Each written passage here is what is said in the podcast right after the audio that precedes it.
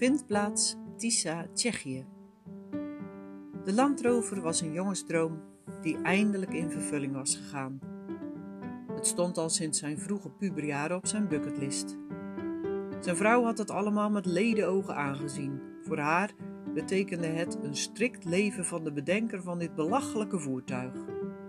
Achter elk schuifje, kastje, lade, de rigide wereld van te veel en net genoeg. Ze zag hem met volle overgave de zaak elke morgen organiseren vanuit de keuken onder de luifel. Ze lachte hem toe, liep om hem heen, speelde zijn spel, zijn jongensdroom. Hij wilde reizen naar de Noordkaap, de Toendra over, door de woestijn. Zij bleef liever thuis met een spannend boek. Hij had de route al maanden geleden uitgestippeld.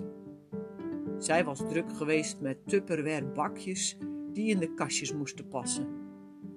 Hij had haar daar opdracht toegegeven en zij was blij dat ze iets kon betekenen. Nu betekende een ontbijtje haast eenzelfde exercitie als een geplande keizersnee. Na 41 jaar in het ziekenhuis had ze genoeg ervaring in het organiseren van zoiets. Ze bedacht al, zolang de landrover bij hen op de oprit stond, hoe ze aan deze exercitie en operatie kon ontsnappen. Wat denk je aan? vroeg hij. Hm, niets, zei ze. En ze klom het trapje op naar de tent op het dak van de wagen om de lakens te luchten.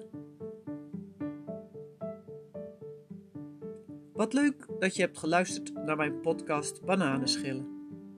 Als je het leuk vindt, kun je me volgen of de podcast delen. Ik zet wekelijks een nieuw verhaaltje online.